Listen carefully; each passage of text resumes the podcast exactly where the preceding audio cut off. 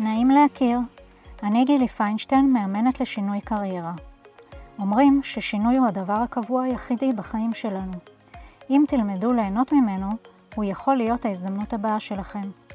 ברוכים הבאים למחילת הארנב, פודקאסט על קריירה והתפתחות אישית. בפודקאסט היום אני מארחת את חנה רדו, יזמית חברתית סדרתית. חנה היא יושבת ראש ומייסדת העסקים החברתיים, סופר סונאס, מיזם לקידום שוויון מגדרי בנקודות ההשפעה, וקבוצת 19 לקידום תעסוקה איכותית לנשים בפריפריה הרחוקה. היא הקימה את מדבר 19 במצפה רמון, לב 19 בצפת, ספרינג ואלי בעמק המעיינות, נגב 19 בנגב המערבי, ירוחם 19 בירוחם ועוד היד נטויה. בעבר שימשה כ-CFO, COO וכמשנה ליו"ר בקבוצת מכאן תל אביב, והקימה את מכאן ואלי במצפה רמון, מיד לאחר המחאה החברתית בישראל 2011. אנחנו מדברות על הדרך שעשתה מהילדות בקרקור כבת בכורה במשפחה של שבעה ילדים, על המעבר מעבודה כשכירה ליזמות, על הקשר בין קבוצת 19 לסופרסונס, על שיטת העבודה שלה שמאפשרת לה להמשיך וליצור מיזמים חדשים, ומקנחות בשבע עצות להתנהלות נכונה בקריירה, המתאימות לשכירים ועצמאים כאחד. אתם מוזמנים להתרווח בקורסה ולצאת לצעידה שלכם, מיד מתחילים.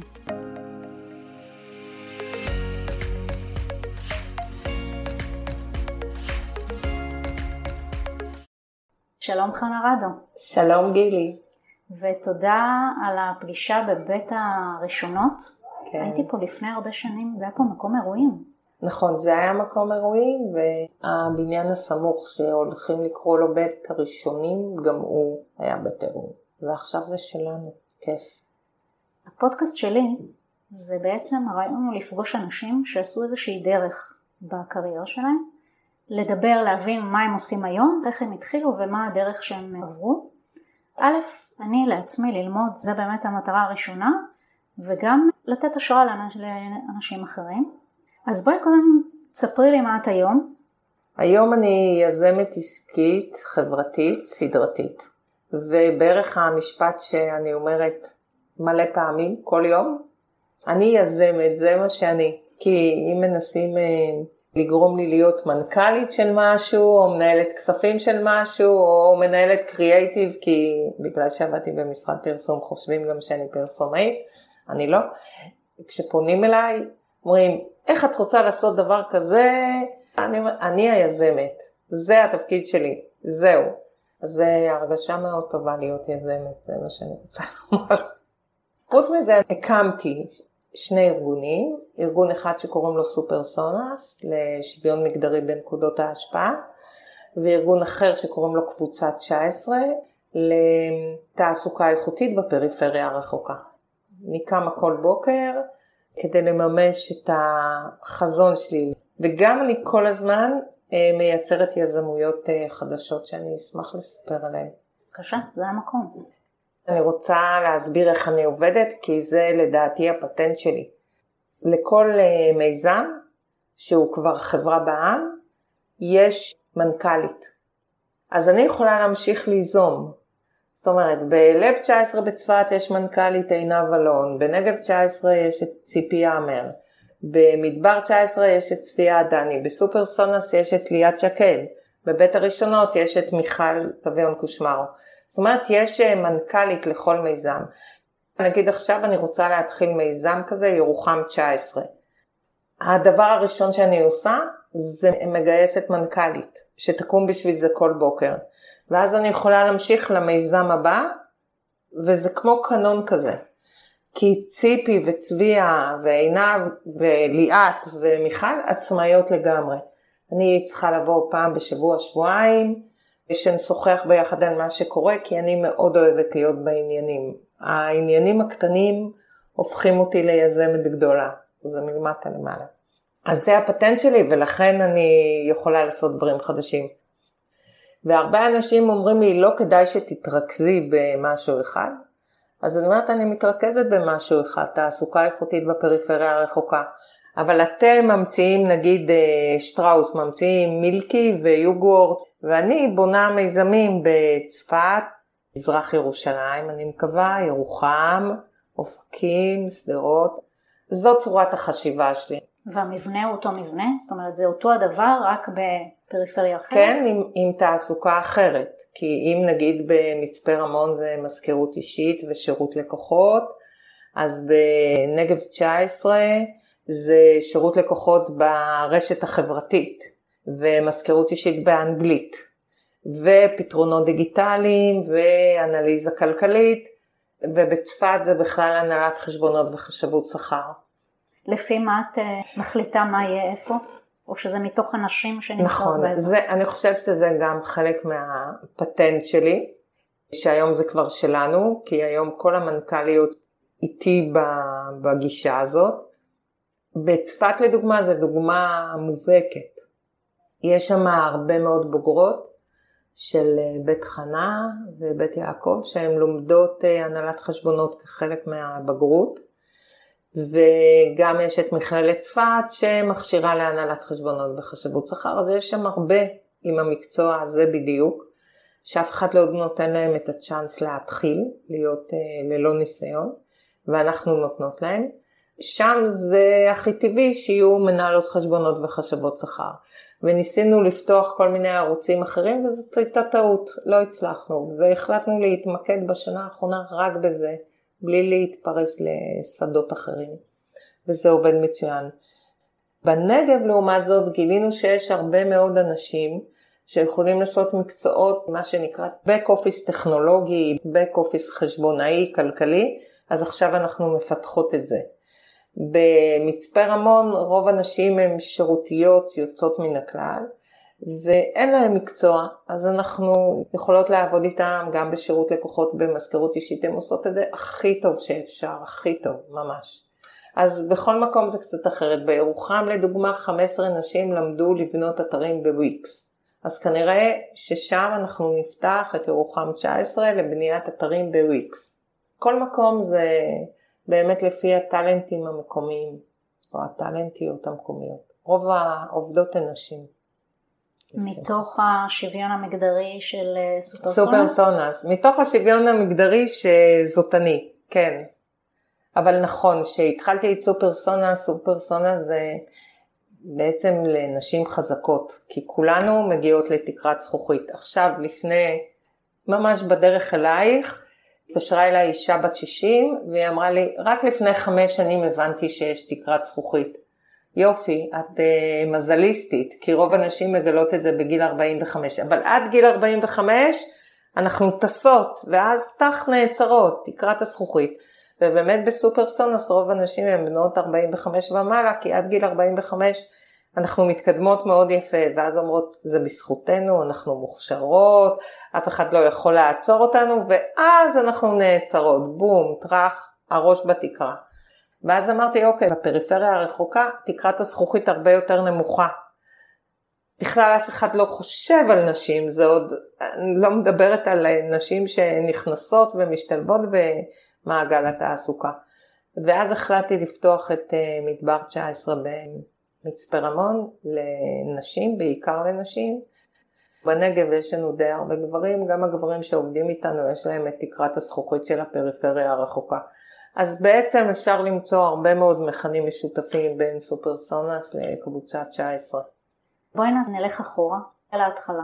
תראי, כנראה ההתחלה היא בבית כי אני בת בכורה לשבעה ילדים. פעם הייתי אצל אה, דוקטור אורניה ינאי שהיא קואוצ'רית ידועה, והיא אמרה לי, טוב, אם היית בת בכורה לשבעה ילדים, אני לא צריכה ללמד אותך ניהול. ניהול את יודעת מהבית, וזה נכון. אבא שלי מינה אותי מאז שאני זוכרת את עצמי למנהלת, מנהלת האירועים.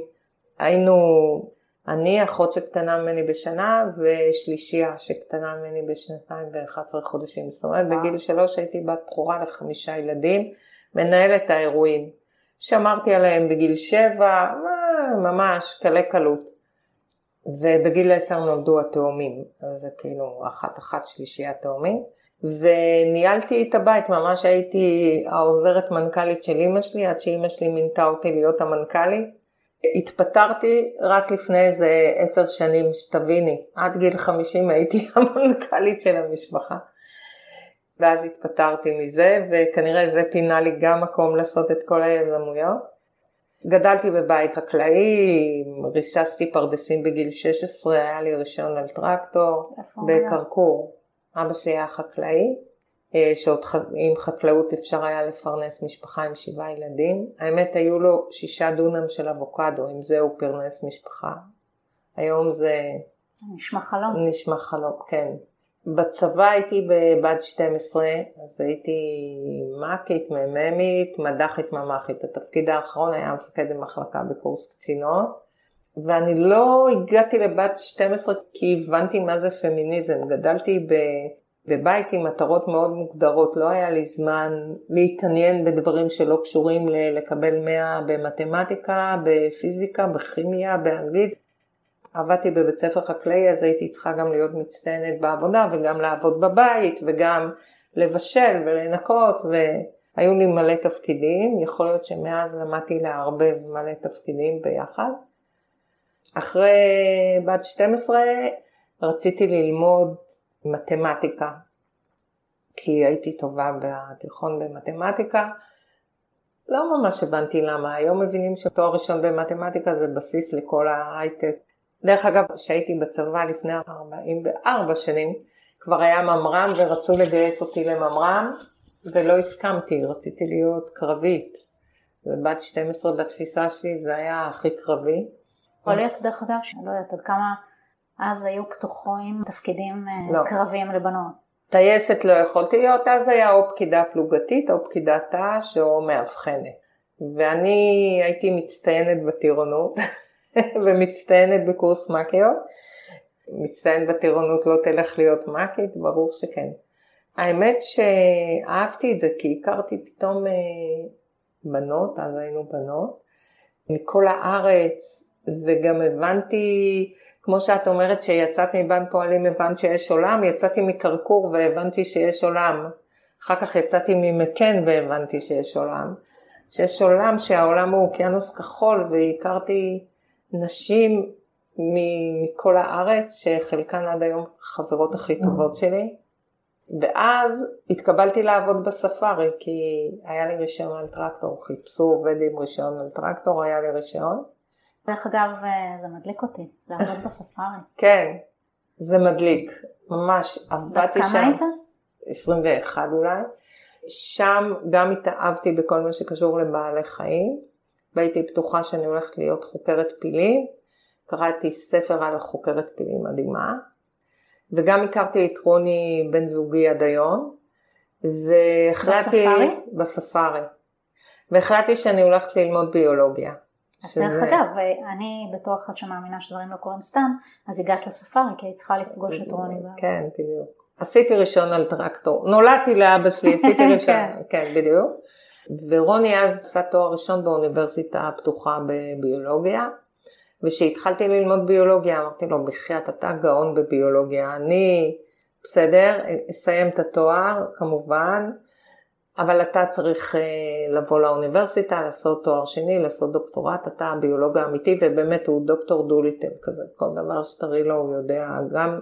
הוא אצל... עובד עם חיות? כן, גם חיות וגם את טבע האדם הוא מנתח על פי טבע בעלי החיים, ובאמת הוא דוקטור לזואולוגיה, ואני אה, במסגרת זה, אז לא ידעתי לקרוא לזה לשם, בשם, אבל היום אני יודעת שכל בן אדם צריך לחזק את החוזקות שלו. וזאת הייתה החוזקה של רוני, והחוזקה שלי באמת הייתה מספרים.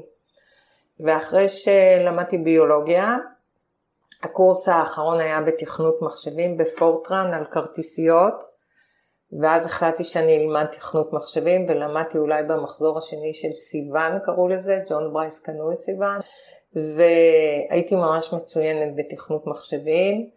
וניסיתי להתקבל למה שהיום זה אמדוקס, ואמרו לי, גברת, את לא יכולה להיות חלק מצוות תכנות מחשבים, את צריכה להיות מנהלת. את לא מתאימה לנו. בדקו את היכולות הצוותיות שלי כנראה. לשמחתי לא התקבלתי לאמדוקס. איך הרגשת? כש... אז? כן. אני אגיד משהו שהוא לא נשמע כל כך טוב, אבל לא הייתה לי את הפריבילגיה לנתח את עצמי. הייתי צריכה לעבוד, אז כבר הייתה לי ילדה, הייתי בת 25 עם ילדה ובן זוג שעושה דוקטורט, והצלחתי להמשיך הלאה, אז בכלל לא, לא נתתי לעצמי דין וחשבון, אוקיי, הם לא רוצים, וגם יש לי תכונה כזאת, מי שלא רוצה אותי, אני לא רוצה אותו, עכשיו שאת שואלת אותי. אז הם לא רוצים אותי, גם אני לא רוצה אותם, וזהו, ואני פותרת את זה בזה. וזה פותר לי הרבה קומפלקסים בחיים. כן, לא בטוח שזה הדרך הנכונה, אבל אין ספק שזה פותר... אה, התפיסה שלי שיש מקום לכולנו בעולם, וצריך למצוא פשוט את המקום. אז אתם לא רוצים, לא צריך, עובדה שהקריירה כן. שלי הגיעה למקומות לא רעים. זה נכון, אבל בנקודת הזמן אתה לא יודע מה יהיה. נכון, הצליח להורים שלי במובן הזה שאני מאוד מאמינה בעצמי. ומי שלא קיבל אותי, בתפיסה שלי הפסיד. זהו. עכשיו, אני לא איזה שוויצרית, בטח היום יש לי משפט כזה שצניעות זו לא תכונה פרקטית, אבל אז לא הלכתי עם המשפט הזה מעל הראש. אלא פשוט אמרתי, מי שלא מאמין בי, מפסיד. ואת יודעת מה, יש בזה הרבה, כי נגיד עבדתי בשטראוס, ובשטראוס האמינו בי, והובלתי את פרויקט הסאפ, פרויקט ה-ERP בשנת 2000, באג 2000, הפייק ניוז הראשונים, עשיתי שם פרויקט יוצא מן הכלל. עופרה התחילה בלהאמין בי, אחר כך המנהלים האחרים, וקיבלו תוצר מדהים, שעד היום הם עובדים בו. עד היום יש כאלה תיקונים, קוראים לזה בסאפ על שמי. רגע, אבל אם אנחנו ננסה לעשות סדר, דיברנו על הצבא, דיברנו על אמדוקס שלא קיבלו אותה. לא, דיברנו על ביולוג... תואר ראשון בביולוגיה. אה, כן, נכון. וגם עשיתי תעודת הוראה בביולוגיה כדי שיהיה מקצוע. ובמקביל לתעודת הוראה עשיתי עוד שני קורסים, אחד הנהלת חשבונות בהתכתבות, סוג שלוש, ותכנות מחשבים. זאת אומרת, גמרתי תעודת הוראה, הנהלת חשבונות, תכנות מחשבים, הכל ביחד. הייתי מורה גרועה, הייתי בבית ספר אליאנס, מורה גרועה ביותר, בת 25 וחצי, עם ילדה בבית, הגעתי לבית ספר, נכנסתי לחדר מורים, אמרו לי צאי מחדר מורים, כי נראיתי... הילדה, התלמידה? הילדה, מה את עושה? בח... כן, ממש. כל דבר שעשיתי ביקרו, היה גרוע לתפארת מדינת ישראל. למען האמת, כבר בסוף ספטמבר רציתי להתפטר, אבל לא היה לי נעים, שזו טעות.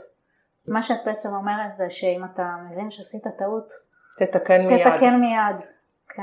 היום אני משתדלת לעשות את זה. אני כאילו לא מושכת את הסוף. זה ממש קשה. זה קשה כי תמיד את uh, מחשבת מה תרוויחי, מה תפסידי, מה. אבל היום אני עושה את זה ממש מהר. כאילו, המשפט שמלווה אותי, של אלברט איינשטיין, אה, לעשות אותו דבר פעמיים ולצפות לתוצאות שונות, זה הגדרה של שיגעון. אז נגיד את המיזמים אני משכפלת כי זה מצליח, אז זה בסדר, כן. פעמיים, ארבע, עשר. כשאתה רוצה את אותה תוצאה זה כן, בסדר. כן, כן. ובאמת לא היה לי נעים, ועזבתי בסוף השנה, וזאת הייתה שנה, רק שנה, אבל שנה גם שלימדה אותי המון, שאני צריכה לעשות רק מה שבתשוקה שלי. אסור לי לעשות משהו שהוא לא. לימדתי רק עשר שעות בשבוע, מאז אני עובדת 14 שעות ביום, והעשר שעות האלה גמרו לי את החיים, וה-14 שעות ביום אני נהנית מכל דקה. באמת, זה ההבדל. זה נכון, היה לי מנהל שאמר לי שאנשים כל הזמן לומדים מה כן, אבל מאוד חשוב ללמוד מה לא. נכון. גם מאנשים וגם בכלל. נכון. והלא הוא מאוד משמעותי. נכון. כי מה שאת עושה, אם דיברת על אנשים מקטלגים אותך, אז את עושה מה שאת. נכון. מתוך הלב, הנפש, הנשמה. זה את, אין לך בעיה, 14 שעות האלה זה לא באמת עבודה. נכון, בדיוק. וכשהיית אה, בבית הספר וזה לא היה את, אז אה, כל נכון. דקה היא... אחר כך היו לי עוד שני מקומות עבודה, מקום אחד אחרי תשעה חודשים אמרתי ביי, ומקום שני אחרי שש שעות אמרתי ביי. כאילו כבר למדתי מזה. אחרי הלימודים, אז העבודה המשמעותית הראשונה שלי שגם אהבתי הייתה בקולוסיאום. קולוסיאום היה... קולוסיאום שהיה בתל אביב? אחר כך הפך לפוסיקט ועכשיו הוא המרחב החברתי. אז אף פעם לא רקדתי בקולוסיאום, לא יצאתי לקולוסיאום, בכלל התחלתי לשתות בירה בגיל 35, אז הייתי בת 26. התחלתי לעבוד שם כמנהלת חשבונות, כי למדתי הנהלת חשבונות, ומספרים זה הקטע שלי, וגם תכנות, הבעלים של הקולוסיאום רצה שאני אבנה לו תוכנות. אבל אז יצא האקסל שקראו לו לוטוס, ואמרתי לו, עזוב, הלוטוס פי יותר חזק מכל תוכנה שאני אבנה לך, בוא נבנה בלוטוס אה, מקרואים, ובאמת בניתי לו כלי ניהול לניהול הקולוסיאום, ואז הוא פתח את מיסטר אייס, הקוביות קרח. אני מספרת על זה כי מיסטר אייס עד היום קיים. אז מי שהקים את מיסטר אייס זה אני. בגיל 28... אנשים יודעים דרך אגב? מדי פעם אני מפרסמת את זה, אבל זה לא מותג כזה חשוב כנראה, זה לא מזוהה, כמובן שזה לא מזוהה איתי, כי גם נהייתי פעילה רק כשהפייסבוק יצא לאור, אז 30 שנה כזה, או 20 שנה היה הגט ביני לבין מיסטר אייס, ואני מספרת על זה הרבה, למה? כי כשנכנסתי להיריון בגיל 28 וחצי, כל עוד לא ראו היה בסדר, אבל כשראו את הבטן, אז הבעלים של, של המיסטר אייס, שהוא גם של הקולוסיאום היה, היום הוא רק של מיסטר אייס, אמר לי, ביי, ממש, ביי. גילה שאני לא גבר אלא אישה. למרות שהייתה לי ילדה ועבדתי וואלה מהבוקר עד הלילה, הוא אמר לי ביי והביא לי מחליף, המחליף נשאר ממש אה, עשרות שנים. אז תחשבי שהיום לפטר בהיריון זה אסור, נכון? אז זה גם היה אסור, אבל אף אחד לא, לא אכף את זה. כן. ילדתי את מאיה, אמצעית שלי, המהממת, הצטרכתי לחפש את הדבר הבא. האם זה מה שהכניס אותך לעולם הזה של השוויון המגדרי? אז זו שאלה טובה, כי לא. מלא שנים הייתי בהישרדות. עכשיו, כשאנחנו בהישרדות, אני אתן דוגמה מצוינת. יש עכשיו אה, מגמה שגברים יצאו לחופשת לידה. מקסים. בפריפריה אף אחת לא חושבת על זה. בפריפריה רוב הנשים בהישרדות. אז עכשיו הם ישכנעו את הבעל שלהם לצאת מ... לא משנה, מהתפקיד הביטחוני שהוא עושה כדי להיות בחופשת לידה. ואני מנסה להסביר את זה לנשים שמעודדות את זה, שזה לא הדבר הכי חשוב. זה חשוב בדיוק לנשים החזקות שבסופרסונס. זה לא חשוב לנשים המוחלשות בפריפריה הרחוקה. אין שיח על זה בכלל. אני הייתי שם, כנראה אני, בגלל זה אני כל כך מבינה אותן. הייתי בשיח שאני לא יצאתי לחופשת לידה, אני עבדתי כל הזמן בחופשת לידה עם מאיה מכיוון שפיטרו אותי, ידעתי וורד, לוטוס וזה וזה, עשיתי עבודות לסטודנטים. לא הייתי בחופשת לידה בכלל, לא הייתה לי את הפריבילגיה הזאת. ניקיתי בתים שלא היה לנו כסף, פמיניזם לא היה ב... הבנתי שזה לא בסדר, זה נצרב בגופי, ביג טיים, הבנתי שאין חוקים גם, לא חיפשתי חוקים, היו דרך אגב, אבל לא חיפשתי, והמשכתי הלאה. ואז גרנו בכפר סבא ומצאתי עבודה דרך המנהל כספים של הקולוסיאום שמאוד אה, העריך אותי. עבדתי בחברה לכוח אדם זמני, ושם הייתי אחראית על השכר. עכשיו, לא למדתי אף פעם חשבות שכר, לא היה אז אינטרנט. לימדתי את עצמי מהר מהר, היו שם 5,000 משכורות לעשות, בנדמה לי חמישה ימים אפילו, אפילו לא תשעה, ולא היו את המערכות שיש היום, הטמעתי שם מכפל, אז זאת הייתה תוכנה חדשה, ולשמחתי יש לי קליטה טובה לכל התוכנות, גם כנראה בזכות הקורס תכנות, ובאמת אימנתי את השריר הזה. ובעיקר סידרתי להם את המערכת של איך לעשות 5,000 תלושי שכר בתשעה ימים, בלי המערכות שיש היום.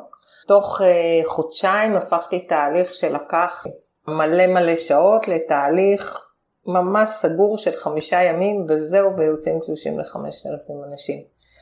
ומאוד uh, אהבתי את הארגון ושיטות שעשיתי שם, אבל הבנתי שזה לא בשבילי. למה?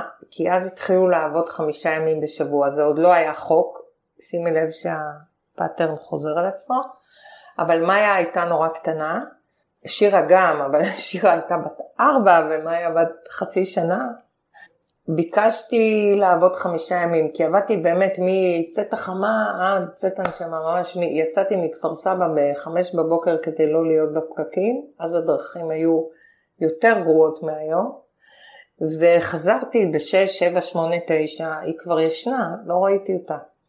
וביקשתי לעבוד חמישה ימים, וביום השישי, שישי שבת להיות איתם.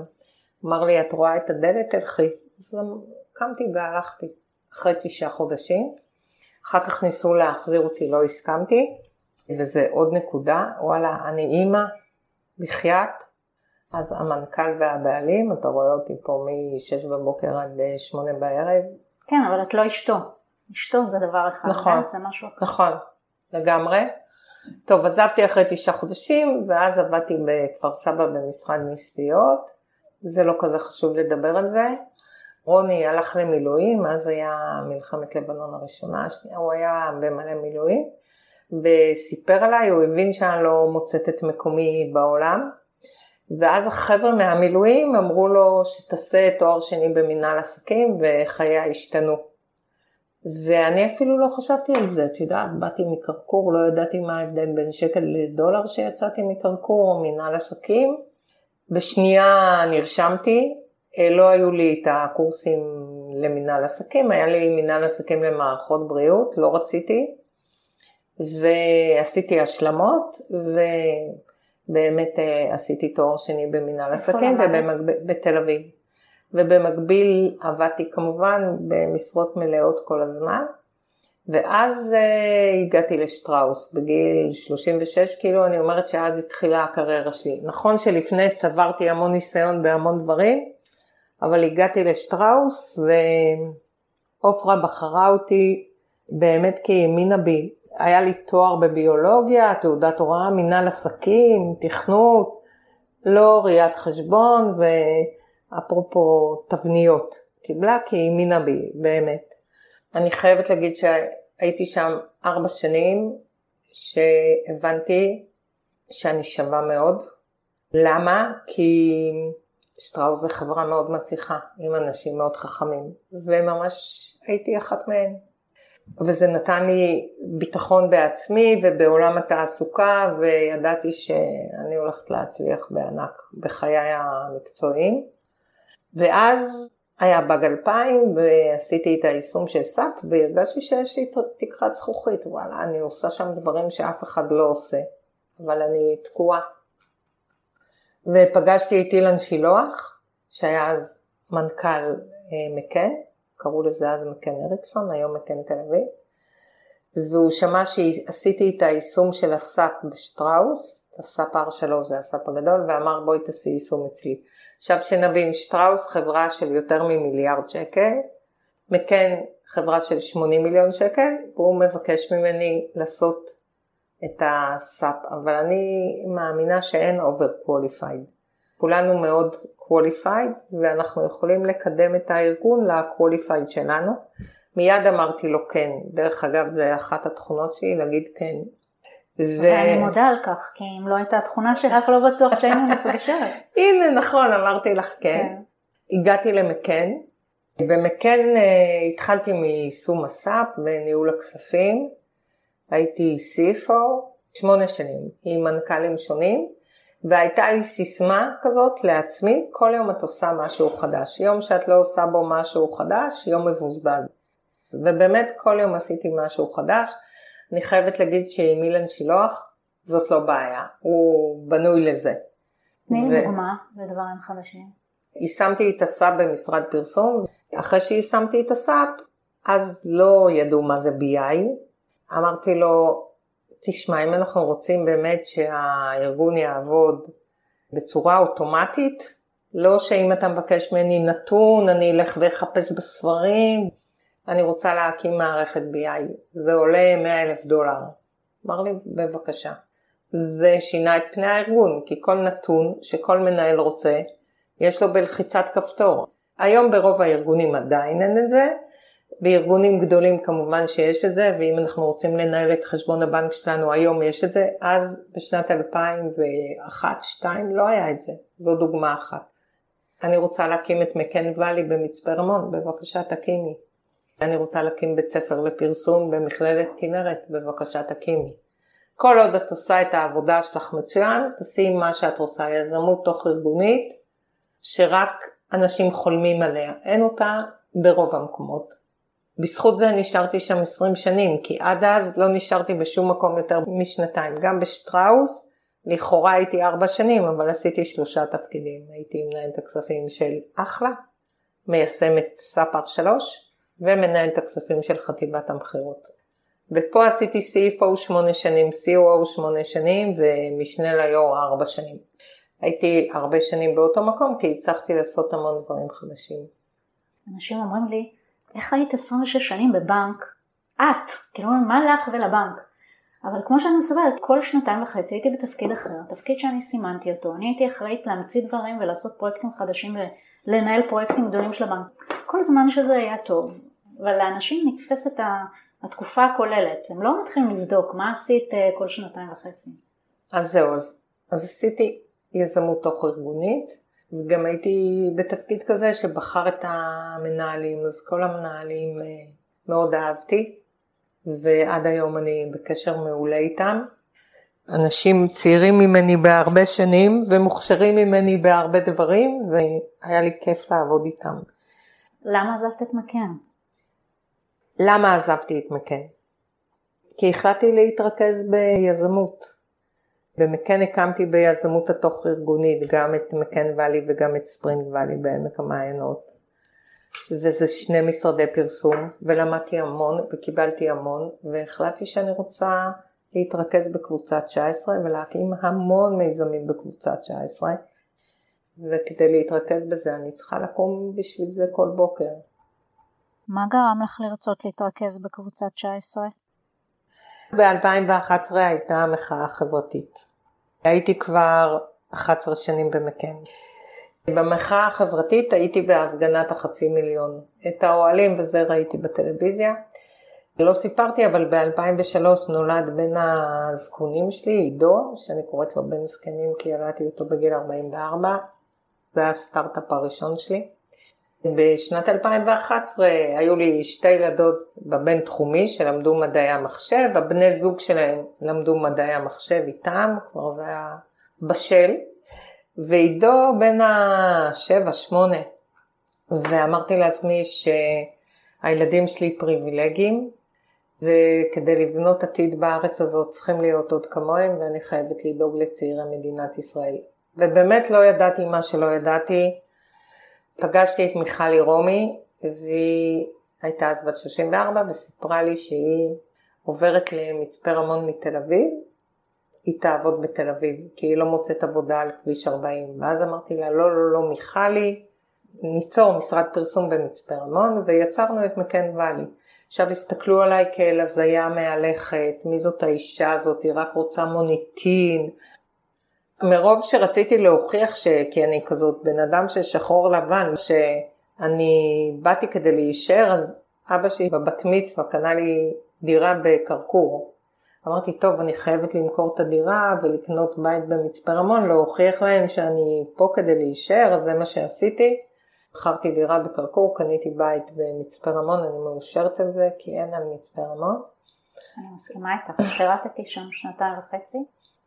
ואז הקמתי את uh, מקן ואלי עם מיכלי, וזה אחרי שלוש שנים מאוד מאוד הצליח, ואז החלטתי להקים את מדבר 19. באתי למראה ואמרתי לעצמי, את גאון, את יודעת להקים יש מאין, תמשיכי הלאה, או יש מאין, אני יותר אוהבת שאומרים יש מאין. הקמתי את מדבר 19 במצפה רמון בהשקעה שלי עם כל הערכים שלי, שהערכים שלי חלקם הם לא הערכים של מקן. לדוגמה חלוקת העושר. אני לא דואגת לבעלי המניות, בעלת המניות זאת אני, לשמחתי אני דואגת לכולם. אז חלוקת העושר זה אחד העקרונות שלא עובדים בקפיטליזם. והקמתי את אה, מדבר 19 בהשקעה שלי ואמרתי לעצמי וואי, כולם יראו שזה המודל הנכון. זה היה ב-2016. יבואו משקיעי אימפקט ויגידו חנה, קחי כמה כסף שאת רוצה ותקימי כאלה בכל הארץ. וצריך יחסית גם כסף קטן, מיליון וחצי שקל, שסטארט-אפ הכי קיקיוני צריך מיליון דולר כדי להתחיל, אז פה זה מיליון וחצי שקל. זה לא קרה. אף משקיע אימפקט לא הגיע אליי עד היום, כי אימפקט זה אימפקט על הכיס שלי בסוף מסתבר, כל משקיעי אימפקט רוצים כן. אימפקט כספי על עצמם, דרך עשייה טוב, לגיטימי, אבל אה, לא מספיק מבחינתי. ואז אחרי שהקמתי את מדבר 19 הבנתי שאני ממש אה, יכולה להמשיך ולהקים עוד מיזמים. ואחרי מדבר 19 במצפה רמון ביקשו ממני להקים מיזם בצפת. מי זה ביקשו? הגיעו אליי ארבע עמותות מצפת, כאלה חרדים, שחור לבן. תקימי אצלנו אה, מדבר 19 ותתמכי בהנהלת חשבונות וחשבות שכר. אמרתי להם שאני לא רוצה, כי אין לי הון, צריך מיליון וחצי שקל. ואז הם אמרו בואי בואי תעשי יום חשיפה אני אדאג לכסף ועשיתי יום חשיפה בצפת עכשיו אני גרה בתל אביב מצפה רמון זה 220 קילומטר צפת 180 אז גם הקמתי כבר את ספרינג ואלי בעמק המעיינות שזה בכלל מזרחה כיוון אחר לעומת צפת והייתי כזה ביום חשיפה עם המפתח ביד ואמרתי לא עושה פה כלום, אבל בואו אני אספר לכם על מדבר 19, אם יבוא יזם אחר אז בכיף. כשסיימתי את המצגת זה היה ערב ראש השנה, 2017, באו אליי שתי נשים ואמרו שהן מקבלות אוכל בגמח. ואני אמרתי, מה זה גמח? אג"ח, אג"ח זה אגרות חוב, מה זה גמח? לא. ואז ירד לי האסימון שזה גמילות חסדים. שתי נשים בגיל של הבנות שלי. אמרתי, לא יכול להיות, גם הן נראות כאלה כמו הבנות שלי, כן? רק עם שביס כזה על הראש. ואז אמרתי, טוב, אני מקימה פה את מדבר 19, שלימים קראנו לזה לב 19, ואז כל העמותות נעלמו. כל השותפים הפוטנציאליים נעלמו, ונשארתי אני וההבטחה שלי, ושאני מבטיחה משהו אני מקיימת. והקמתי את לב 19, ובלב 19 בצפת הבנתי למה אף יזם לא מקים עסק חברתי. חטפתי שמה כאפות מכל מקום אפשרי, ובגלל שאני הייתי נחושה להצליח, ויאמר לזכות רוני שגם רוני חשב שזה עסק מעולה, הרעיון שלו מעולה, הביצוע היה כושל לגמרי, נשארתי שם, הבאתי הרבה כסף מביתי, למרות שלא תכננתי, בכל זאת אני בת 60 פלוס. במרץ 2020 עינב אלון הצטרפה להיות המנכ"לית של F19. מאז אנחנו רק עולות, אבל עד אז השקעתי מיליון וחצי שקל מכספי. שזה, שזה לא מפתיע, כי אם הלכו המשקיעים ואת... אה, הלכו המשקיעים וגם, כאילו את אומרת, אוקיי, יש עקומת למידה, למדת כמה דברים, יישמת אותם, לא בצורה טובה. הדבר הכי חשוב זה מנכ"לית, ועד אז לא הבנתי עד כמה זה חשוב. לא היו לי שם מנכ"ליות מספיק טובות, כאילו הם באו עם רצון מאוד טוב, אבל הם לא היו מנכ"ליות טובות, וכשגייסתי את אה, עינב, שאין לה ניסיון במנכ"ליות, אבל היא, יש לה את החומרים הנכונים, היא התגלתה כמנכ"לית גאונה, ומאז העסק אה, הולך וצומח. אחרי צפת יש לי ביטחון בחברה היהודית. אני חייבת להגיד שבחברה הערבית אין לי ביטחון, אבל ביהודית אני יכולה להקים בכל מקום 19, איזשהו ירוחם 19, קריית גת 19, חריש 19, אני יכולה. אני כבר יודעת משהו אחד, אני חייבת שיתופי פעולה עם הממשלה או המועצה או העירייה. מנכ"לית מעולה ושיתוף פעולה. אמרת אה, על החברה הערבית, את יכולה להגיד על זה כמה מילים? תראי, למדתי כמה דברים בדרך שאני עושה. אחד, שהידע התרבותי הוא מאוד חשוב. גם כשהגעתי למקן, ידעתי על משרדי פרסום, כי עבדתי בשטראוס, ובשטראוס עובדים מאוד צמוד עם משרדי פרסום. כשהתחלתי עם הפריפריה הרחוקה, לא הכרתי את הפריפריה הרחוקה. לא הכרתי מלא מוסדות, נגיד, מה זה עמידר, עמיגור, קצבאות רווחה, לא הכרתי את זה בכלל. היום אני מרגישה ממש מומחית לפריפריה הרחוקה. למשל, אם רוצים לגייס עובדים בפריפריה הרחוקה, אין מה לשים מודעות בעיתונים, לכל עיר, עיירה, יש שילוט מקומי, צריך לעשות שילוט מקומי. אתם רוצים אנשים מאופקים שדרות נתיבות, תעשו קמפיין באופקים שדרות נתיבות, לא ארצי. בחברה הערבית אני לא מכירה את המנטליות הערבית. למשל הייתי ביישוב בדואי ברהט והסבירו לי שהנשים ברהט צריכות לעבוד סמוך למקום מגוריהם, לא בגלל הילדים, כמו אצל היהודים, אלא בגלל הבעל. שהבעל מגיע, הן צריכות אה, לקבל אותו עם קערה, לשטוף לו את הרגליים. ככה זה. עכשיו, אני לא מתנגדת לזה, כי אין מה, אני לא אשנה. אני, דרך אגב, לא משקיעה אנרגיות בדברים שאני לא יכולה לשנות. אבל אני צריכה להבין את זה, שאם אני מקימה מקום ברהט, אז זה התנאי. תביני, גם דוקטוריות זה ממש לא משנה, ההשכלה לא משנה כאן. יעבדו אצלי, איתי, רק אם אני אפנה זמן לבעל. ועוד הרבה מאוד דברים שאני ממש לא מבינה, נגיד, אני בת 60, נפגשתי עם גבר בן 35, הוא סתם לי את הפה, ככה. עכשיו הוא סתם לי את הפה, קמתי והלכתי. אז אין לי סיכוי בכלל לעבוד עם גבר כזה, גבר כזה לא יתמוך בי בחיים, כי אני אבל לא... למה הוא סתם את הפה? כי גבר מדבר אז האישה שתשתוק, ככה זה, גם אם היא אימא. אז זה דברים שמבחינה מנטלית אני לא מכירה, ואז אני צריכה שותפה מקומית, שתבוא ותייצג אותי בכל הסיטואציות האלה, שכמה שאני פתוחה, יש דברים שאני לא אסבול. מבינה? אז כן. בחברה הערבית אני אצליח רק אם יהיו לי שותפות, שותפות מתאימות ואני מתעקשת על שותפות נשים. ולגבי uh, העולם החרדי? אני מעסיקה בצפת נשים חרדיות, מהממות, מתה עליהן, אני לומדת מהן המון. מאז שאני מכירה אותן אני לא אומרת קסמים אלא ניסים, ואני לומדת פרקי אבות קצת. אני מאוד מעריכה אותם וכיף לי לעבוד איתם. צפת היא הרבה יותר פלורליסטית מבני ברק, כאילו אפשר שיעבדו חב"דניקיות עם ליטאיות והכל בסדר. יש לנו גם ערבייה בצפת, שגם היא חלק מהמרקם האנושי שלנו, וזה ממש מקום פילי, באמת, ניסי. ויש לנו כיור לבשר ולחלב, שם אנחנו לא מעסיקות גברים, כי יש לנו חלל אחד ואנחנו רוצות לשמור אותו כיפי ונשי.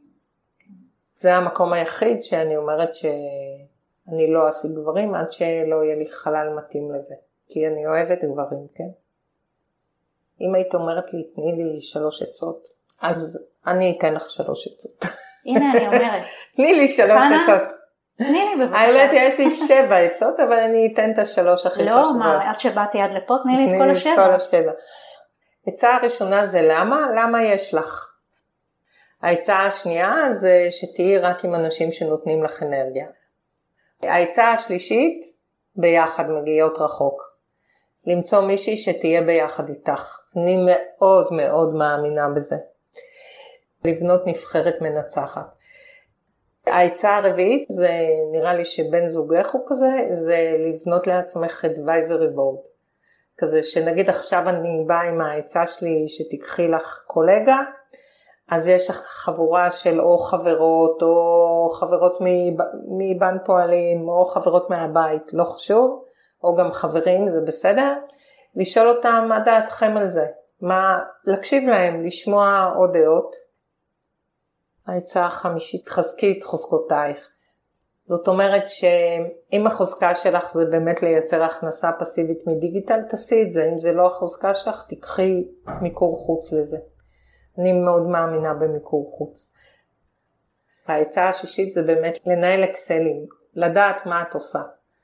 לא לעבוד על תחושות בטן, כי תחושות בטן מאוד מטות הרבה פעמים, ואז אה, חבל על הזמן. העצה השביעית היא לבוא עם חיוך כל בוקר. ואם נגיד הייתי שואלת אותך טיפ, אה, את דיברת בעיקר טיפ לנשים עצמאיות, אבל בואי נדבר על אה, אנשים שכירים. הכל מתאים, תראי. למה את קמה כל בוקר לעבודה? אם אין לך למה מספיק חזק, קחי את הרגליים ותלכי. אנרגיות, אותו דבר.